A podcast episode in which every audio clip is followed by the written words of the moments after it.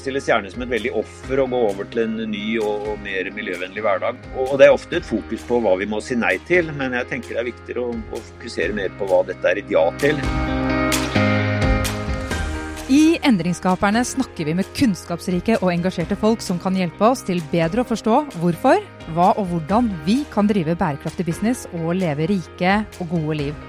Denne endringen den handler om deg, den handler om meg, og den handler om oss alle. Hver og en av oss kan skape endring, og sammen er vi endringsskapere.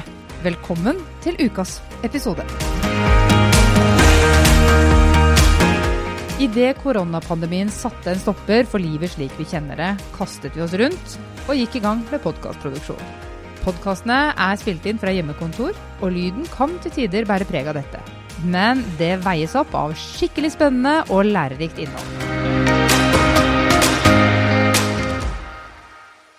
WeMe er en sosial entreprenør. Et selskap som skal inspirere og hjelpe bedrifter og deres ansatte til å ta bedre vare på planeten vår, samtidig som vi tar bedre vare på oss selv. Med i studio er WeMes gründere Rune Kroken. Hei, hei. Jan Strøm. Hei. Og jeg er Linda Krogh Ødegård. Vi står overfor to hovedutfordringer, sier denne episodens gjest, Dag Olav Hessen, i sin nyeste bok 'Verden på vippepunktet'. Den ene er at det stadig blir mindre natur, og den andre er at det stadig blir mer klimagasser. Dette skyldes en økende befolkning og den raskt økende summen av vårt menneskelige forbruk.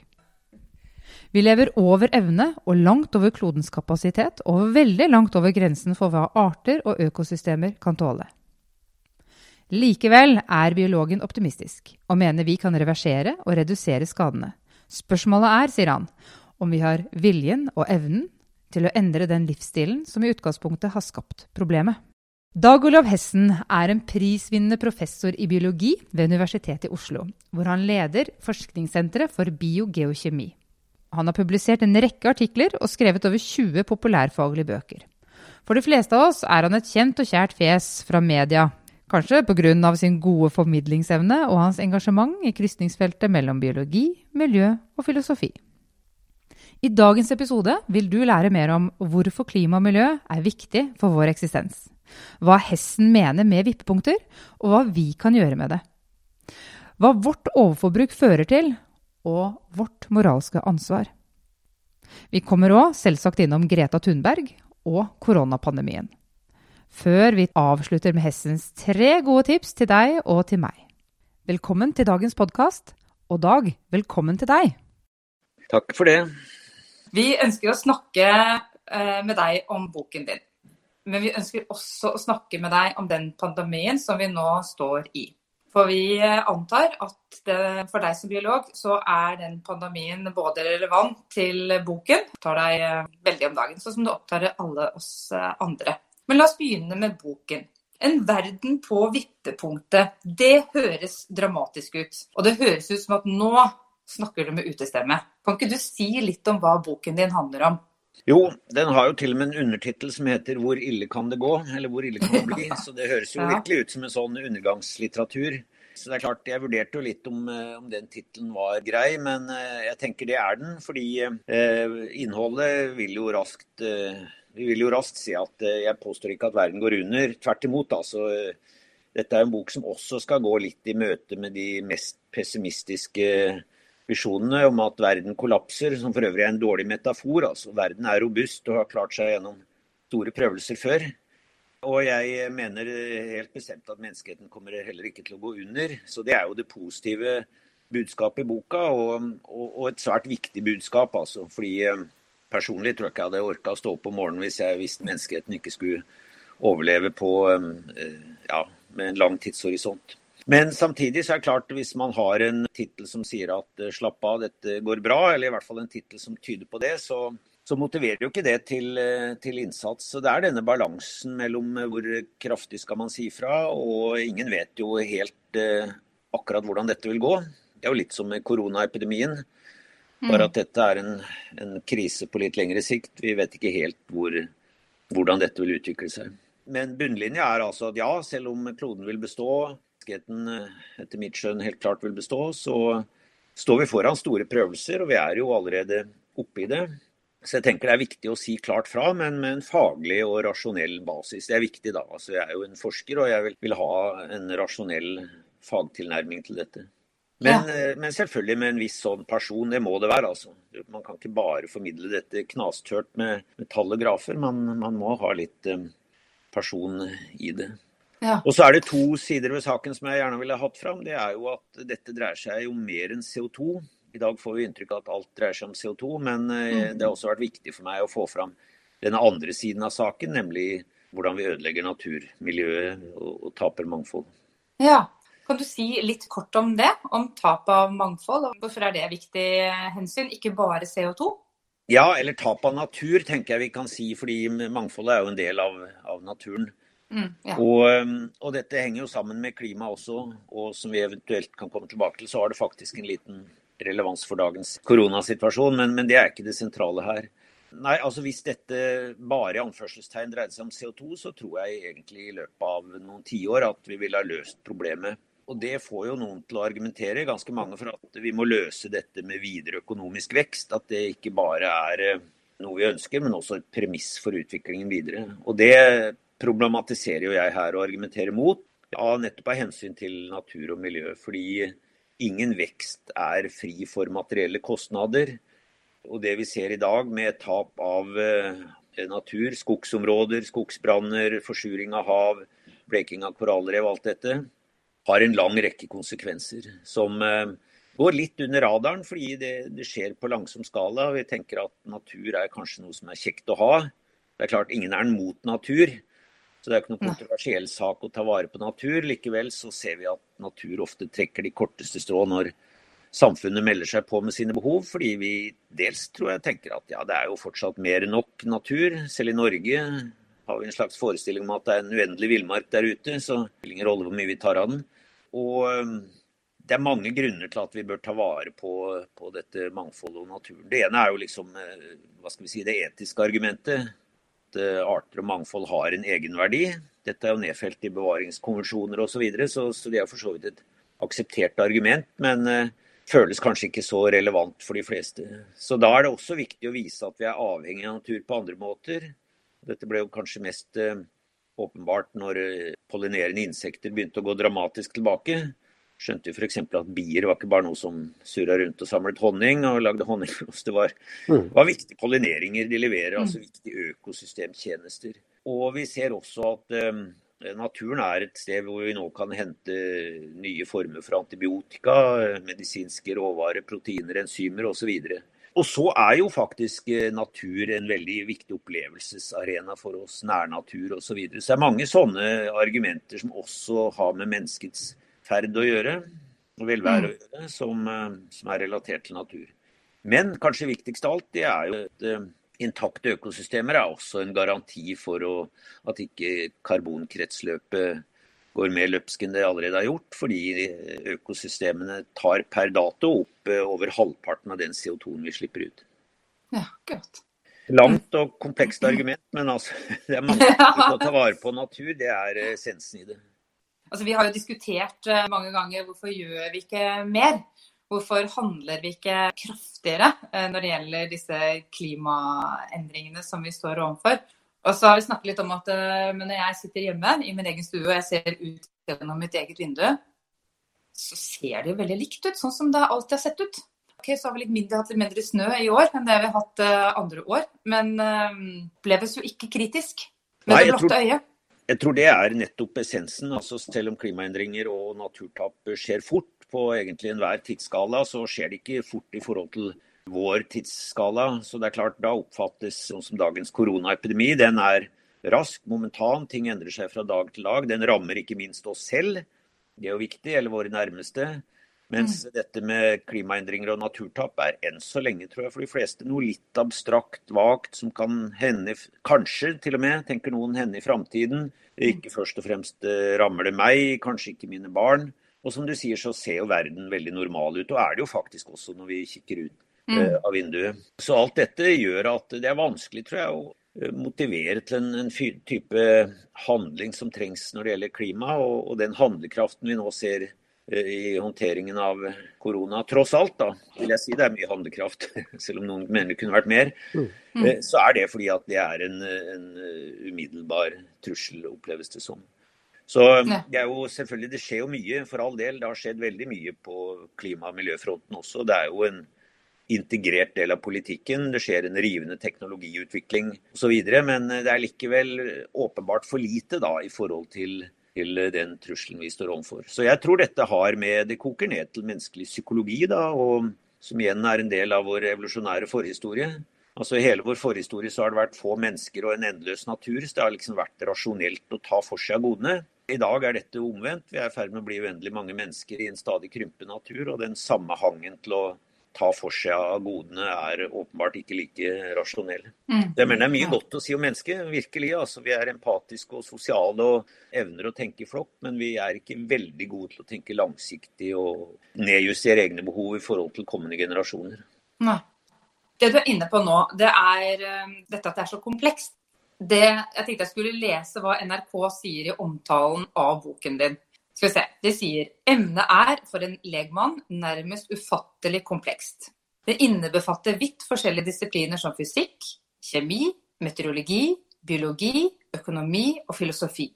Legg til den polariserte politiske debatten med slagord og ideologisk stammetenkning, og man forstår at akademikere kvier seg for å gå inn i en slik kombinasjon av minefelt og hengemyr da lurer vi på hva gjorde Hva er det som gjorde at du tok på deg denne nærmest umulige oppgaven?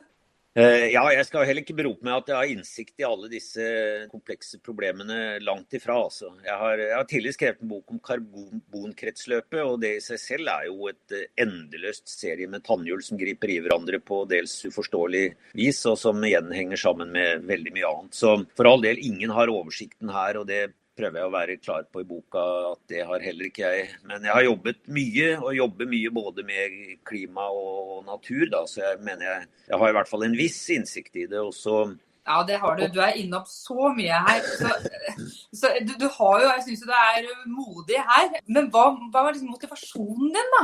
Jo, det kan jeg godt si. Altså, jeg har alltid vært veldig opptatt av miljø og tenkte tidlig at hvis jeg fikk muligheten noen gang å si noe i en offentlig debatt, og at noen gadd å høre på meg, så skal jeg bruke den anledningen. Og nå har jeg kommet i en sånn posisjon, og da tenker jeg at det er litt min plikt også som fagmenneske å ikke bare sitte og publisere artikler for en snever krets av kollegaer, men, eh, men, eh, bruke dette i en litt større sammenheng til å kommunisere ut mot samfunnet og ta opp ting som jeg mener virkelig er viktig og som jeg, brenner for. Så ja, kan godt si at det er en form for kall som jeg har, men jeg tenker det er viktig. Og jeg mener ikke at alle akademikere behøver å gjøre det. Man må føle at dette er viktig og nødvendig, og man må selvfølgelig synes det er OK å skrive da. Og, så tar det jo en stund før man blir vant til dette å legge hodet på hoggestabben. Altså det, det, kan være ubehagelig til tider, men det vil jeg jo si. Altså jeg har høsta mest eh, positive tilbakemeldinger for eh, engasjementet, nesten utelukkende. Men det er fordi jeg holder meg unna kommentarfeltene da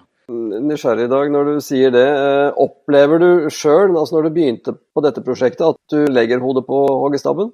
Nei, i og for seg ikke. Fordi eh, jeg eh, For det første så føler jeg at jeg har en rimelig trygg faglig basis. Altså Jeg har publisert og forska masse på disse feltene, så jeg, jeg, føler jeg har en rimelig faglig kredibilitet på det. Det er viktig at dette bare ikke er synsing. Og så lener jeg meg på faglitteraturen. Altså. Men selvfølgelig, det vil alltid være folk som er har nyanserte synspunkter, eller som er dundrende uenige og mener at det her er bare nok en sånn eh, klimapessimist.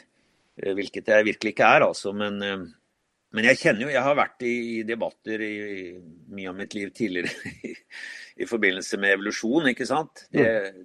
den debatten har stilna litt, men jeg kjenner jo igjen litt av det samme der. At det er noen som mener at dette er sånn kan det bare ikke være, og som syns at det er eh, idioti og som eh, har hatefulle ytringer osv. Men sånn er det bare. Jeg mm. mener Det må man bare erkjenne at eh, det vil være et element av befolkningen som, som er dundrende uenig. Og, jeg mener det er ikke noe galt å være uenig, for all del, altså. Men man bør være det på en faglig basis. Det er det jeg alltid sier til de at mener at dette er helt feil. Ja, men hvis det er faglig evidens for at dette er feil, så er jo ingenting bedre enn det. Altså et, jeg er jo i en situasjon hvor jeg skulle ønske jeg tok feil, ikke sant. Ja.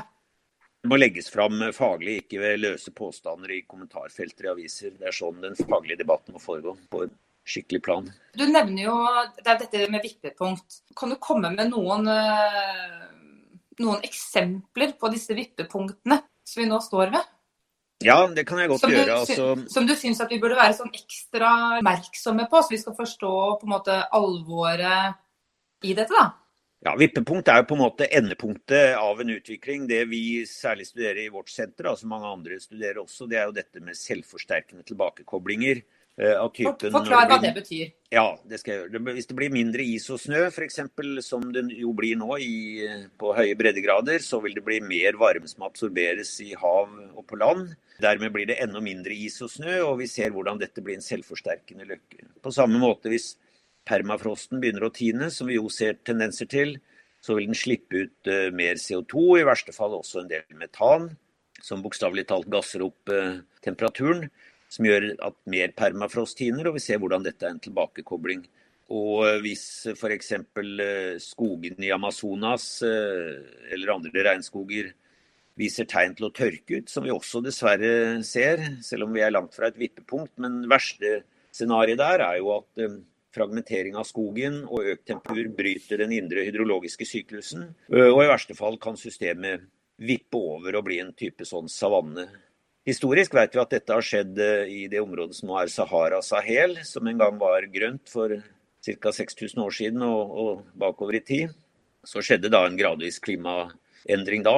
Den gang ikke forårsaket av mennesker, men, men, kanskje høyt beitepress allerede da tilskynda den brå endringen som skjedde. For etter en viss periode så var systemet nådd dette vippepunktet hvor liksom hit, men ikke lenger. Og så ganske raskt skjedde en forørkning. Og dette kan man se både av spor i terrenget der, men også av mengden sand utenfor kysten av Afrika. For plutselig begynte det å dukke opp masse sediment i sanda, nei, masse sand i sedimentet som viste at dette var blåst fra et område som har blitt til ørken. Så, men betyr det da at når du sier ganske snart, bare siden du nevner det, den ørkenen, for 6000 mm. år siden, er da ganske snart er det da et 6000 års vindu når du nevner Amazonas, at det kan være konsekvensen 6000 år frem i tid? Nei, Eller det er, nok ikke, så, det er nok ikke så vel. Den forørkningen skjedde over noen hundre år, etter alt å dømme, i, i Sahel. Mm. Men det var, begynte for rundt 6000 år siden. Et mm sånn vippepunkt som noen mener kan skje hvis vi passerer 1,5 eller i hvert fall 2 grader, er at grønlandsisen f.eks. går inn i en irreversibel nedsmelting. Kanskje er isen på Svalbard det. Eh, grønlandsisen vil da kanskje, hvis den eh, har passert dette punktet, forsvinne i løpet av et 1000-2000 års perspektiv, litt avhengig av hvor, hvor varmt det blir. Så og Hva skjer da, da? Da øker jo havnivået 6-7 meter, men de store havstrømmene kan så endres. Ingen kan si helt sikkert hva som skjer, annet enn at uh, havnivået vil stige da som størrelsesorden. Og, og, hva skjer da? Nå, nå, stiller jeg disse kanskje ja. åpenbare dumme spørsmålene, men bare for at jeg tenker at er det noen som lytter her som ikke har lest seg opp og som kanskje lurer på disse tingene, så er det greit å dra det hele veien. Ja, han kan jo da tegne Hvis havet stiger 6-7 meter, hva skjer da? Jo, eh, det som i hvert fall vil skje, er jo at en del av verdens tettest befolkede områder er lagt under vann. Vi kan jo bare tenke oss hva som vil skje i store deler av Asia, som eh, bor i dag helt nede på eh, havnivå. Hvis vi for det første får økt havnivåstigning, hvis vi får hyppigere stormfloer og mer monsun, og hvis samtidig breene i Himalaya forsvinner også og ferskvannstilførselen tørker ut, da har vi en del millioner mennesker på, som klimaflyktninger. Så store deler av eh, verdens tettest bebodde steder ligger jo eh, så lavt at de vil påvirkes av dette. Men eh, heldigvis da, så er det en ja, For det første vet ingen sikkert om det vil skje, men det er et eksempel på et ikke helt usannsynlig vippepunkt. Og vi har jo litt tid til å områ oss med å forflytte mennesker. Men jeg mener 1000 år tenker mange at ja, da er det jo ikke så farlig. For meg er 1000 år egentlig veldig kort fram i tid. Mm. Vi må jo ha ambisjoner. Altså, Homo sapiens har eksistert i ca. 300 000 år. Vi må i hvert fall ha ambisjoner om at vi skal eksistere i nye 300 000 år, og, helst lenger enn det. Det er ikke mm. noen grunn til at vi ikke skal det, hvis vi steller litt penere med planeten. Men det er i hvert fall eksempler på sånne vippepunkter i klimasystemene. Vi har tilsvarende vippepunkter i bestander som kan nå en kritisk terskel for nedre bestandsstørrelse, så, så plutselig kollapser det. Altså det ser ut som det skjedde med verdens uh, mest tallrike fugl, vandreduen, som ble jakta hensynsløst inntil en, i forrige århundre, inntil den plutselig nådde eller for 200 år siden, da, rettere sagt, så inntil den nådde et nivå hvor plutselig så ut som restbestanden kollapsa. og Verdens siste vandredue døde i 1914 av det som var verdens mest tallrike fugl, og som ingen trodde egentlig kunne, kunne rammes av det. Og da så... kanskje noen tenker sånn at ja ja, den vandreduen, hadde den så stor nytte da? Og er det noen store konsekvenser at vi mister noen fugleslag eller noen insekter? Og, så det kan hende at det er en del som tenker sånn. Jo, men det kan man godt tenke også. For det er klart naturen er ikke noe skjørt korthus. Den, den kollapser ikke om en eller to eller tre eller 100 arter forsvinner. Så det er mer et moralsk argument. Vi har mistet vandreduen for alltid. Det kan være personlig om man syns det er tragisk eller ikke. Men eh, så har vi noen arter som er nøkkelarter. Vi holdt jo på å fiske ned den eh, nordatlantiske sildestammen. Mm. Eh, heldigvis tok vi til vettet, så den er oppe og går igjen. Men det ville jo vært en kollaps som angikk langt mer enn oss selv og silda. Hva ville skjedd da, da? Hvis vi hadde gjort uh... Nei, Det ville endret hele økosystemet i, i, på våre havområder. På samme måte som vi nå ser at noen av disse viktige nøkkelorganismene som Jeg tenker ofte at Norges viktigste dyr er et lite krepsdyr som heter rauåte. Som er en, en helt essensiell organisme i, i, våre havområder. Og Den er på full fart nordover nå fordi havet blir varmere. Og rauåte er seg selv, man kan diskutere er det så viktig da. Men, men, det vil ha en kaskade av effekter for uh, fisk og fugl i havet, og til sjuende og sist oss selv. Men det er viktig dette at ja, naturen er ikke noe skjørt korthus. Arter kommer og går naturlig også. Riktignok på en svært langsom tidsskala. Det har noe med hvor mange arter uh, forsvinner, og hvor fort. Og så er det selvfølgelig i bunn ligger jo dette etiske, at vi i prinsippet bør ta vare på alle arter så langt det er mulig. Ja. Takk. Men en viktig ting, det kan vi jo eventuelt komme tilbake til, men altså vippepunkter som jeg skriver om i boka, er jo ikke bare disse farlige, skumle, negative vippepunktene som vi kan nå i, i klima- og natursystemene. Det vi må tilstrebe, er jo vippepunkter i kultur også. Og i vår væremåte og våre normer, og i og for seg også i teknologi og juss og måten vi tenker og driver økonomi på. Ja. Som nettopp motvirker disse vippepunktene i klimasystemene. Ja, og De kommer vi litt inn på litt senere, hadde jeg tenkt. Hvis vi bytter litt spor. For jeg, jeg har lest et intervju med deg i eh, DN-magasinet for noen år siden. Og der sier du noe som jeg syns var så veldig fint. Du sier at før var jeg mer opptatt av meningen med livet. Nå er jeg flinkere til å finne meningen med livet. Det syns jeg var veldig fint sagt. Og da lurer jeg på Kanskje du kan inspirere oss og flere enn oss med hvor finner du meningen med livet? Det er jo selvfølgelig det store spørsmålet som enhver må finne svar på. Jeg tenker Det er jo ikke noe gitt mening eh, med livet som sådan, så dermed blir det viktigere å finne mening i livet. Og jeg mener Det kan man utmerket godt eh, klare, men for de fleste tror jeg det, det, gir seg selv hva dette er. Det, det, dreier seg om å gjøre ting som har en effekt utover andre enn seg selv.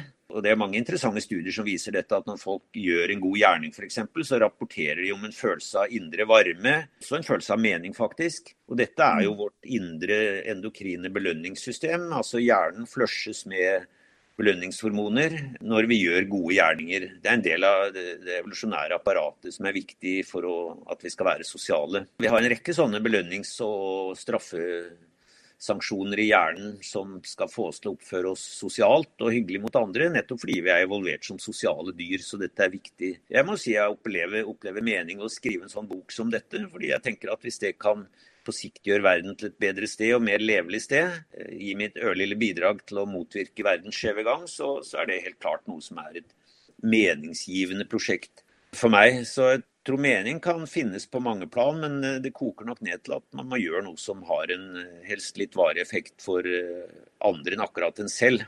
Et rent sånn hedonistisk prosjekt hvor man skal skaffe bare mer lykke og velstand til seg selv, det tror jeg de færreste vil oppleve som Det kan nok gi blaff av lykke der og da, kanskje, men, men det oppleves ikke som meningsfullt i den forstand. Nei. Er det noe spesielt sted du går og, og finner dette Har du hunch på at du er glad i å være i naturen? Ja, man kan diskutere om det gir mening i og for seg, men det er jo i hvert fall en fabelaktig arena å være i for um, av litt uforklarlige grunner, egentlig. Og det tror jeg veldig mange føler på. Mm. Hvis man ser hva folk flest rangerer høyest i livet, så er det jo interessant nok gjerne CO2-frie aktiviteter. Da, som venner, familie, kjærlighet og ikke minst det å gå i natur.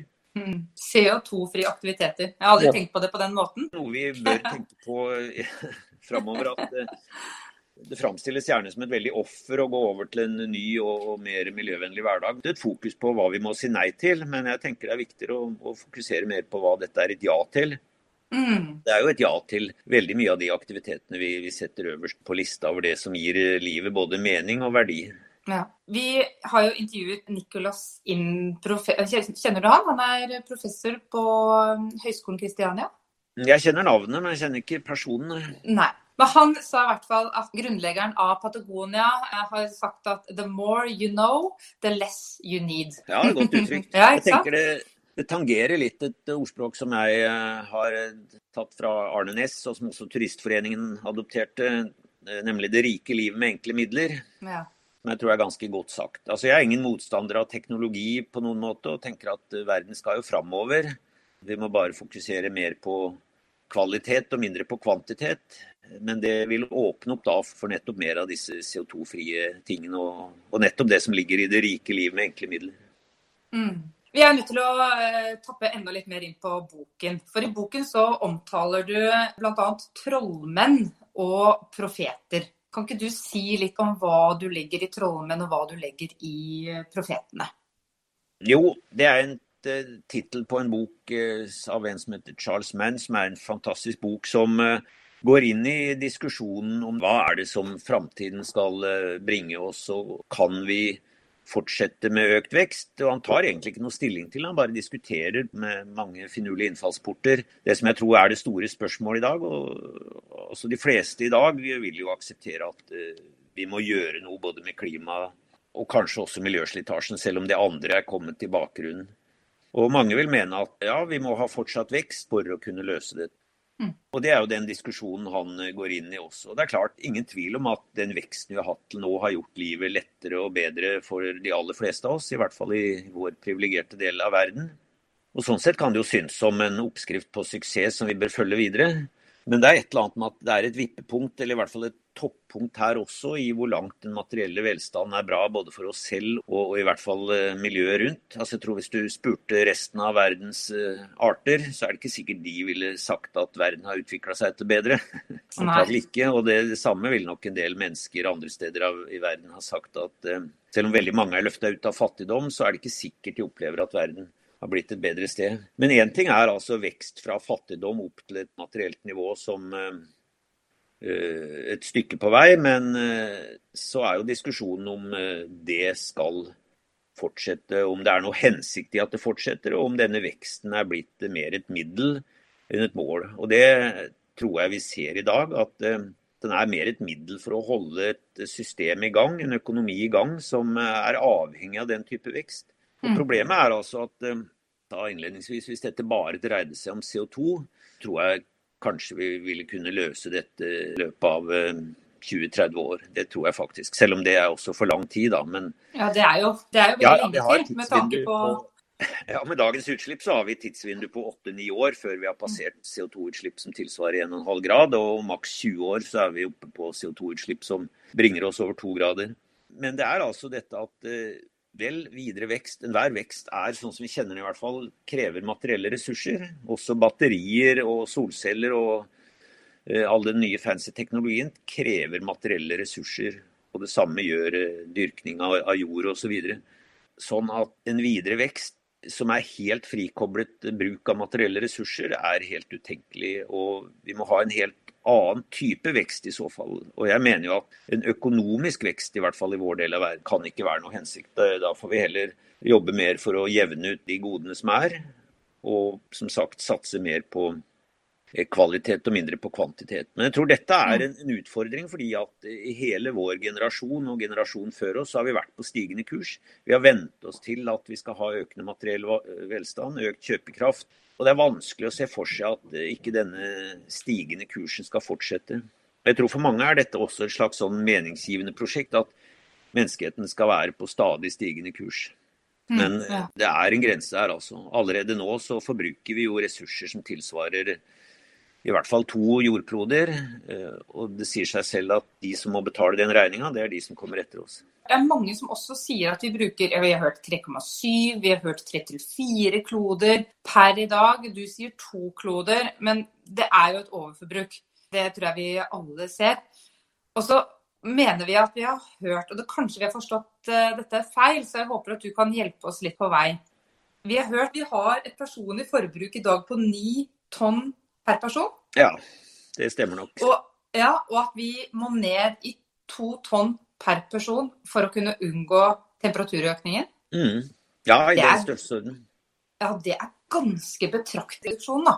Jeg tenker at Dette her handler om vårt eh, forbruk. Dette handler om eh, mitt, Jan sitt, om Rune sitt, om ditt eh, forbruk dag. Kanskje langt foran oss andre her i din reduksjon. Men, jeg er ikke så sikker på, men jeg prøver i hvert fall. Men jeg tenker, Hvis det er sånn at vår forbrukeratferd er den største utfordringen fremover, så lurer jeg på hvordan løser vi det. Hvordan vet jeg at det jeg gjør eller ikke gjør, faktisk har betydning? Ting som jeg blir litt sprø av å tenke på, er jo Vi kjører en bil som er en dieselbil. Den er riktignok har et veldig bra filtersystem, så den er mindre forurensende dieselbil enn mye annet. Men er det da mer miljøvennlig å selge den bilen og kjøpe en elbil? Ja, det beste er jo å beholde den bilen og la den stå i garasjen så lenge som mulig, og bare bruke den av og til, antagelig. Men som veldig... Det gjør vi. Ja. Vi tar kollektivt. det, som, også. Som ja. så veldig mye annet så har ikke dette noen sånn helt klar fasit. Jeg tenker også det er viktig å ikke la det beste blir det godes fiende her. Altså Hvis noen tenker at eh, vel, hvis jeg ikke slutter helt å spise kjøtt, hvis jeg ikke slutter helt å fly, hvis jeg ikke slutter helt å kjøre bil, så kan det være det samme egentlig. Da nytter det ikke. Men uh, altså, hvis man kan halvere forbruket sitt uh, eller redusere det med 30% så er jo det en kjempestart, bare det. Mm. Så jeg tror det er veldig mye man kan gjøre for å leve rimelig normalt og leve på en måte som gjør at man ikke føler dette som en enorm kostnad. Og jeg tror det som du sier, er veldig vanskelig å vite hva som monner. Altså, vi hører av og til at flytrafikken bidrar med så lite, så spiller ingen rolle om vi flyr eller ikke. Det er jo sånn flybransjen gjerne framstiller det. Men for oss som enkeltpersoner så er det største posten på vårt CO2-budsjett det er gjerne en transatlantisk flygning. Det kan se ut som en selvmotsigelse, men det er fordi at veldig mye annen av samferdselsbidraget til CO2 er jo en mer sånn diffus flyt av varer og tjenester som transporteres litt på gods, litt på båt osv. Så, videre. så grunnen til at eh, flyreiser eh, utgjør så lite, at det er én enkelt post. Men for oss så er det den største posten som, som slår ut. Og det er også et, en ting vi faktisk kan gjøre noe med. Fordi de fleste flyreiser er ikke strengt tatt nødvendig, hvis vi skal være ærlige. Og kanskje i disse dager lærer vi også oss til digitale møteplasser som gjør at vi kan redusere reisen. Det er i hvert fall en, et håp jeg har skal komme ut i andre enden. Men det vi burde hatt, staten burde gitt oss en personlig CO2-kalkulator som var lett å bruke og lett å forstå. Ikke sånn at man mm. skulle føre inn hver brødskive man spiste på den, men uh, få den, en slags generell oversikt over hva betyr dette? Hva betyr denne flyreisa f.eks.? Og hva betyr uh, hvis jeg har en dieselbil og kjører den så og så mange mil? Slipper jo diesel faktisk ut mindre CO2 enn bensin. Da, så ja. Nyprodusert Tesla er eh, heller ikke på noen måte uten miljøslitasje. Det er litt av det poenget mitt. ikke sant? At uh, ja, det er en bra ting både fordi den er kul og fordi den ikke slipper ut CO2. Uten miljøslitasje er åpenbart ikke en Tesla verken når den skal lages eller når den en gang skal kasseres. Men jeg mener vi burde fått en sånn oversikt som var lett og enkel, og så kunne man selv si at OK, nå har jeg vært så flink på det området, så nå kan familien unne seg en flytur faktisk, uten å forgå av dårlig samvittighet. Mm. Så jeg tror det, den type hjelpemidler trenger vi, for jeg opplever også at veldig mange ønsker og vil gjøre noe, men man veit liksom ikke helt hva som monner, og så ender man opp med å tenke at det lille jeg gjør, det monner ikke noe likevel, så jeg kan like gjerne la være. Ja. Jeg mener jo at dette er ikke bare individets ansvar. på noen måte. Det må starte med politiske retningslinjer og føringer og insentiver og, og avgifter osv. for å drive dette i riktig retning. Det er veldig viktig å ha det i bakhodet at summen av verdens miljøslitasje og utslipp, det er nå engang summen av alle enkeltindividers atferd. Det er også det pumpes olje for og brennes kull for og flys for og ja. Så Det kan man ha i mente. Og det mener jeg er en bra ting. Det viser at vi har ansvar, og det å ha ansvar er, vil jeg tenke, en god ting. Altså. Ja, vet du hva. Det har jeg hørt deg si før. At du sa at ansvar er det motsatte av umyndiggjøring. Mm. Og det syns jeg er et viktig og sterkt og fint perspektiv å ta med. Jeg så en fantastisk veggplakat i Bergen for en stund siden som jeg tok bilde av og siterer, for jeg syns den var Det var sagt på engelsk, da, men jeg kan si det på norsk. Den største trussel mot planeten vår, det er troen på at det er noen andre som vil redde den. Jeg syns det er ganske ja. godt sagt. Ja. ja. for akkurat det der er det veldig mange som sier at ja, det spiller ingen rolle hva vi gjør her. Fordi det er i Kina, det er i India, det er, mm. det er i USA. Det er, det er, der de trenger å gjøre det. Og så, så hviler de seg på det. Har du noen kommentar til det? Ja, det er klart det er jo både riktig og feil. Det, er, selvfølgelig, det betyr uendelig mye mer hva Kina gjør. Eh, samtidig har vi som personer større utslipp enn en eh, gjennomsnittlig kineser, selv om de er på rask fart oppover, de også. Men eh, både på personlig nivå og på nasjonalt nivå så er det som kalles allmenningens tragedie, at man regner med at noen andre skal fikse opp, og ansvaret ligger hos de andre. Og så lenge alle tenker sånn, så blir det jo selvfølgelig ikke gjort noe. Mm. Norge er ikke en så liten aktør som vi ofte tenker på. Vi har et svært oljefond. Vi er en, ikke en helt ubeskjeden aktør. Altså Hvis man regner på Norges eh, CO2-utslipp, ikke bare basert på Fastlands-Norge, men eh, det vi produserer og eksporterer offshore. Parisavtalen er jo så snedig utformet at vi slipper å stå til regning for de utslippene, som er de virkelig store. Mm. Men da er ikke Norge noen liten aktør. Men vi, en, vi, er en aktiv pådriver i mange andre sammenhenger. Altså jeg synes Litt av dilemmaet ble jo for så vidt uttrykt av Brasils president Bolsonaro, da, når han fikk kritikk fra Norge for at han nå har sluppet opp på avskogingen. Altså den skyter fart igjen i Amazonas. Og det fikk han kritikk for, med god grunn, selvfølgelig av Norge. Men så sier han at jo, men dere da, er det ikke en ganske heftig oljeutvinning eh, som dere bedriver? Og da blir man jo litt svar skyldig. Ja, Det er dette med eksempelets makt. altså Det gjelder både på individnivå og på nasjonsnivå alle må bidra med det de kan. Hvis alle sitter rolig og tenker at noen andre må, må fikse det, så skjer jo ingenting. Litt tidligere så sa du noe som eh, jeg allerede hadde notert meg her. At vi er evolusjonert innrettet mot å håndtere umiddelbare konkrete trusler både som individ og, og, fellesskap. Og at mennesket ikke er involvert for langsiktighet, har du sagt uh, tidligere. og Dette var du litt mm. innpå i stad. Og nå, Hvis vi skifter litt over uh, til denne ekstraordinære situasjonen som vi er i nå, da, hvor verden opplever uh, denne pandemien, hvor ingen av oss vet hvordan det vil utvikle seg. Men vi opplever jo at vi endrer måten vi lever på betraktelig. Det er innskrenkninger og begrensninger. Noen føler på frykt og bekymring. Mange gjør det.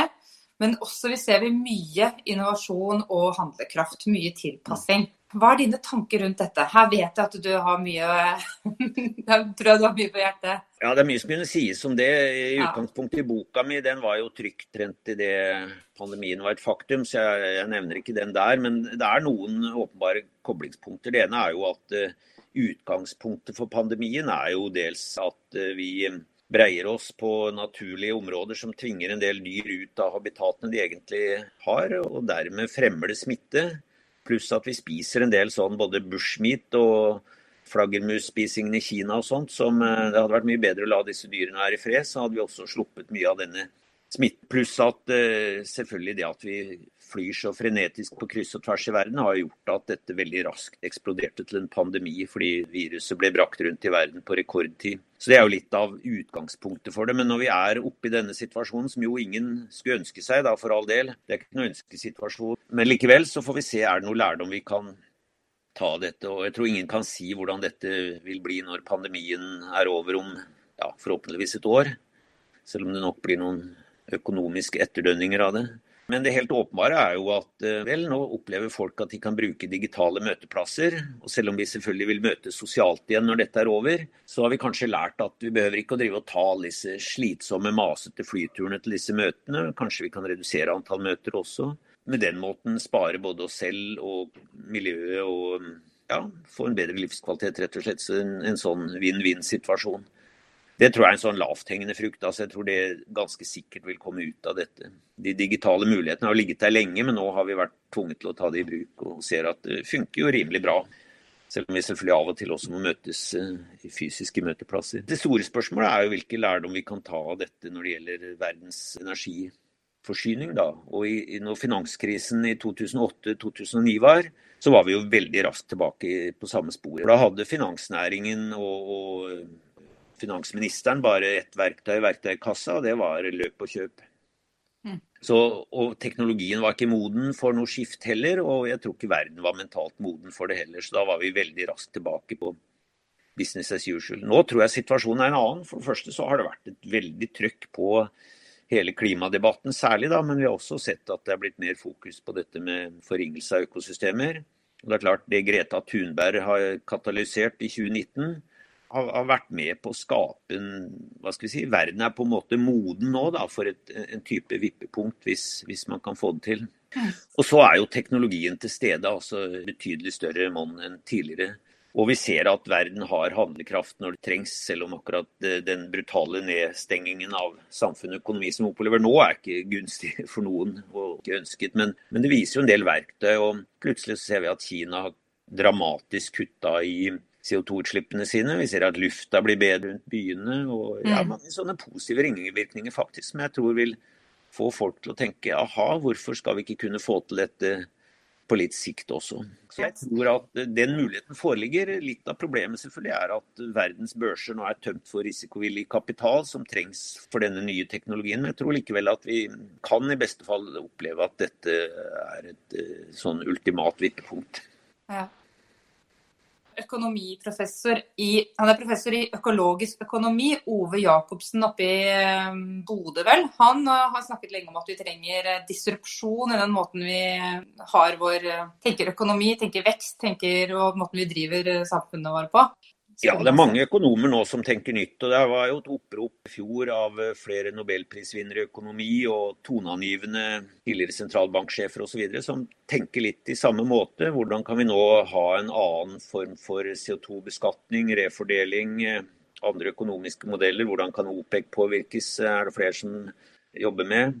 Mm. Vi ser også at finansnæringen, jeg har hatt en del eh, kontakter med de, som som også viser en eh, veldig sånn progressiv holdning. De vil gjerne investere grønt. De må selvfølgelig ha en viss avkastning. Og eh, Sementindustrien har visjoner om å bli CO2-fri. Det er jo en av de største utslippskildene.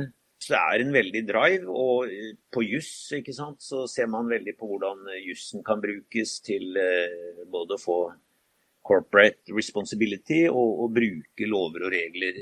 Så egentlig på alle samfunnsnivåer så ser vi nå en veldig trøkk. Det er det jeg mener at tiden er på en måte moden nå for et, eh, et ganske radikalt skift, tror jeg, i riktig retning. Et push i riktig retning. Mm. Litt av problemet har ikke noen sånn klar alternativ samfunnsmodell, altså, men ja.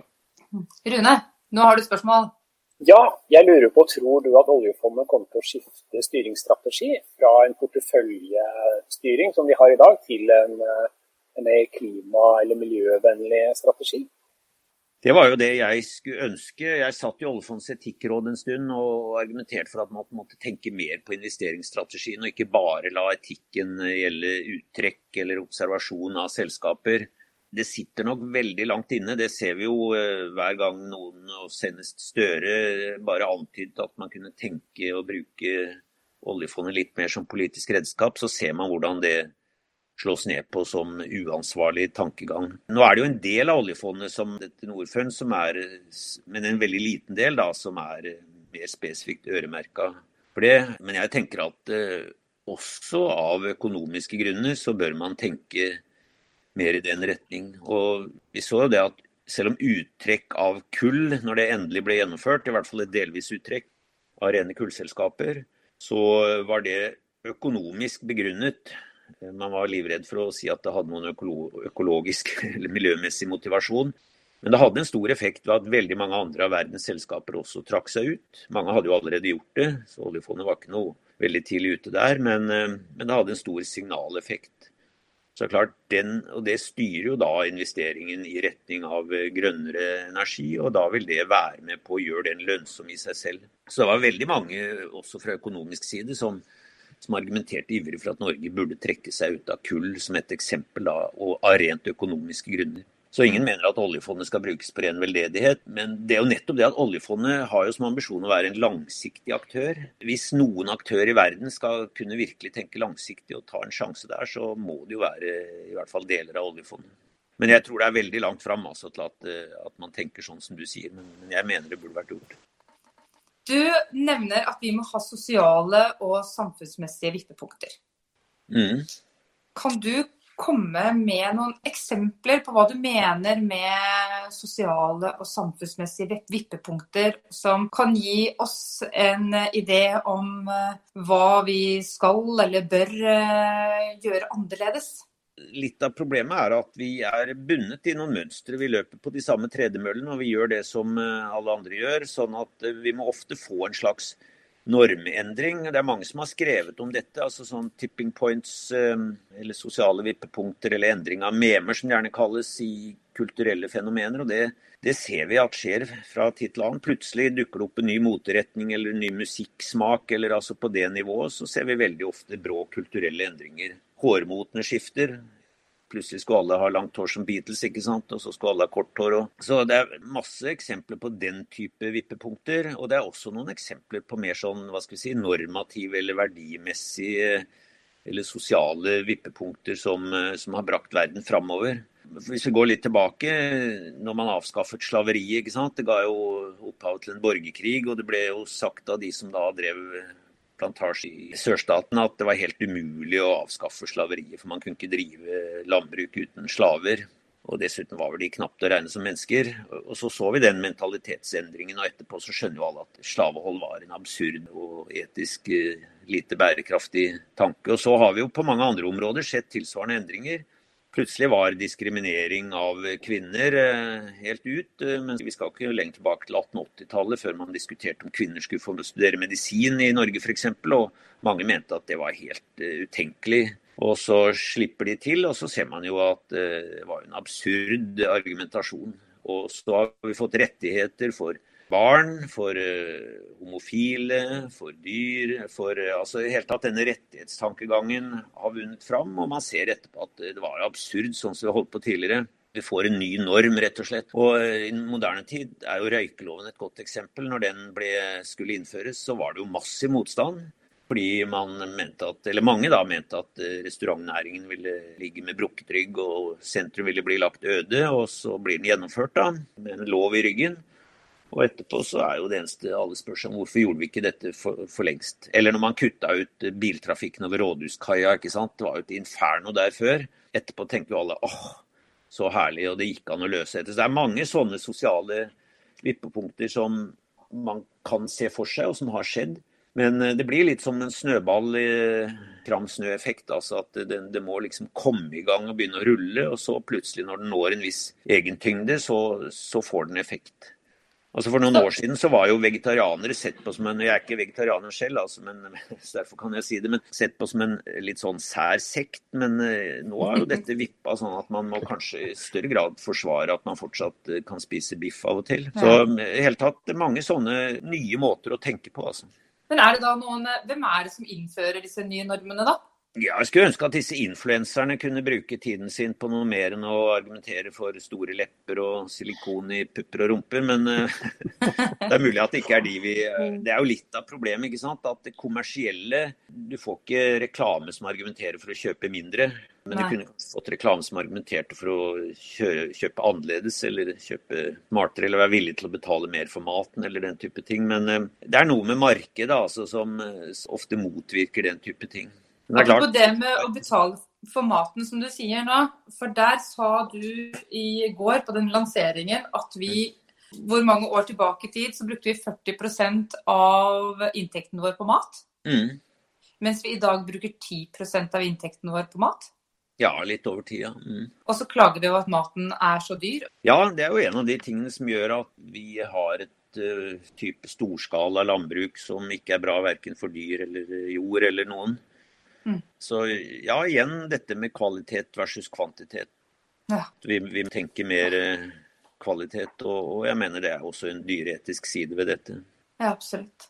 Hvis vi skal dra dette her nå helt ned på individnivå, for det er det vi er. Vi er opptatt av å hjelpe folk til hva kan de gjøre, hvordan skal de gjøre det. Jeg tror de fleste har fått med seg at uh, det, vi må, at hvorfor spørsmålet er besvart. Men uh, vi tror vi har en teori om at eh, grunnen til at vi ikke gjør så mye, er fordi vi ikke helt vet hvordan. Mm. Kan du her komme med tre gode tips som vi kan ta med oss uh, om hva vi kan gjøre som individer? Vel, jeg tror som sagt at uh, hemmeligheten ligger i at uh, vi fokuserer på hva en litt annen livsstil er ja til, og ikke så mye hva vi Ikke tenke at dette er forsakelser men et vei mot en, en kulere og, og, kanskje litt roligere livsstil som vi alle har glede av, uten at vi sier nei til framskrittet. Så rett og slett å fokusere på kanskje noen av de tingene vi har lært i disse dagene her, på sitt beste. At det går an å ha et litt lavere turtall uten at det går utover livskvaliteten. Tvert imot. Mm. Så tenker jeg veldig konkret da, at vi kan og bør, i hvert fall de som flyr mye, forsake noen flyreiser. Det tror jeg heller ikke koster veldig mye. Og man kan gjøre det både i jobbsammenheng og i, i feriesammenheng, og utnytte det kortreiste. altså. Og jeg tror de fleste vil oppleve at det kanskje rett og slett er stressdempende også. Og så må vi jo tenke på hva vi spiser. altså jeg mener Den EAT-rapporten som kom i sin tid var veldig forbilledlig, selv om den dessverre ble framstilt som at dette dreide seg bare om å spise 16 gram kjøtt i uka, eller eh, som sånn sett ble opplevd som en uh, veldig sånn gledesdrepende budskap. Men det var en fin rapport fordi den viste hvordan matkonsumet vårt kan ses i en større sammenheng, og både relateres til klima, til biologisk mangfold, tap av natur, dyrevelferd. Så jeg tenker at uh, vi kan gjøre mye ved kostholdet vårt. og kan, Poenget er at vi kan gjøre veldig mye med mye av alt dette uten at vi behøver å være perfekte, for det klarer ingen. Så igjen, da vi, vi kan gjøre mye uten at, uh, uten at, vi lar det beste bli det godes fiende. Og det aller viktigste til slutt er jo at uh, ja, vi kan faktisk gjøre noe. altså. Det, det for meg er det en god følelse at det faktisk spiller en ja. liten rolle hvis, hvis, vi alle tenker sånn. Ja, kjempefint. Aller, aller eh, siste spørsmål nå. For vi har tenkt å føre denne samtalen her videre. Mm. Hvem synes du vi burde, burde snakke med da? Thomas Hilland Eriksen har alltid mye fornuftig å si. Ja. Og hva, Hvis du da kan hjelpe oss i gang med ett spørsmål som du syns vi burde stille han? Jeg syns han har skrevet mye godt om dette med uh, hvordan hele samfunnet på en måte Han dette, hadde dette store prosjektet som heter Overheating, som summerer veldig mye at samfunnet går på høyere og høyere turtall. og Det er et godt navn på et prosjekt, fordi det er jo overheating vi er frykter i dag. Og, det, men, det rommer mer enn det. Det går altså på at uh, vi går på stadig høyere turtall. At vi fyller livene våre med mer. At vi eh, forbruker mer, og selvfølgelig med overheating sånn klimatisk som eh, Og han er en annen innfallsport, fordi han er sosialantropolog. Han er et av de menneskene jeg vet om som alltid sier noe fornuftig, uansett eh, hva han blir bedt om å svare på. Og han er ekstremt kunnskapsrik. Han klarer også å trekke disse store syntesene sammen, syns jeg, på en fin måte.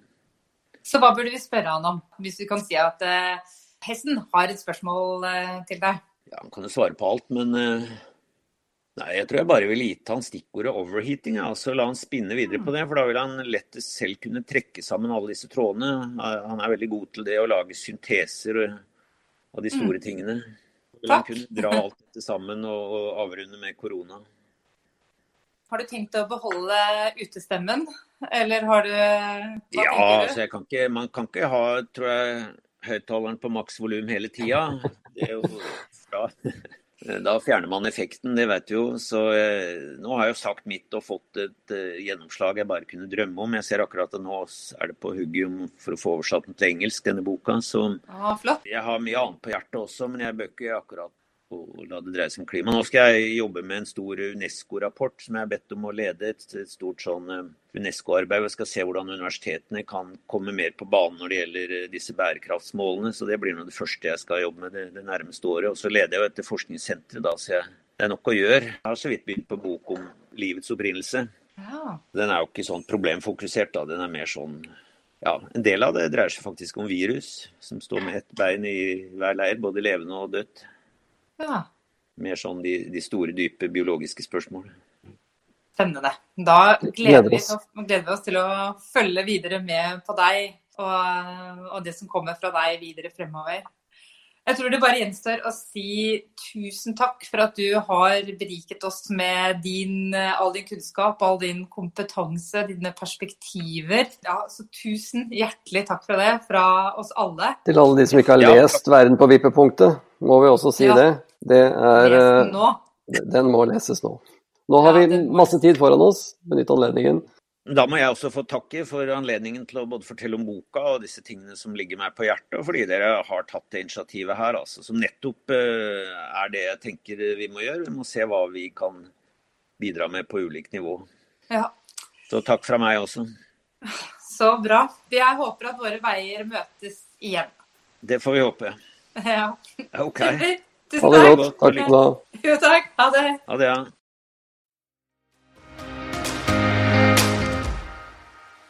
I dagens episode har vi fått høre om vår rolle og påvirkningskraft overfor klimaendringer og miljøødeleggelser med utgangspunkt i boken En verden på vippepunktet. Vi har hørt om tap av mangfold i natur, hva det har å si, og vårt moralske ansvar. Vi har fått gode eksempler på vippepunkter innen klima, kultur og sosiale samfunnsnormer.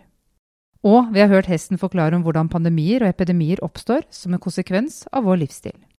Ja, og da er det godt å ende med noen gode råd om hvordan vi enkelt kan endre vår atferd og si ja til mer av det gode i livet. Alle relevante referanser og lenker til dagens gjest finner du på nettsiden vår weme.eco. Du kan nå oss på e-postadressen hello krøllalfa weme.eco her kan du gjerne sende oss tips om relevante temaer eller andre vi bør ta en prat med. Du kan selvsagt stille oss spørsmål, eller ta kontakt for en prat om hvordan vi kan hjelpe deg og din bedrift i det grønne skiftet. Likte du det du har hørt, vil vi gjerne at du deler denne podkasten med dine venner og kollegaer. I neste ukes podkast får vi besøk av Yngvar Andersen. Og da skal vi snakke om hvordan leve mer med mindre. Det vil gi deg muligheten til å få et bevisst forhold til tingene du omgir deg med. Da gjenstår det bare å si hei så lenge, høres snart.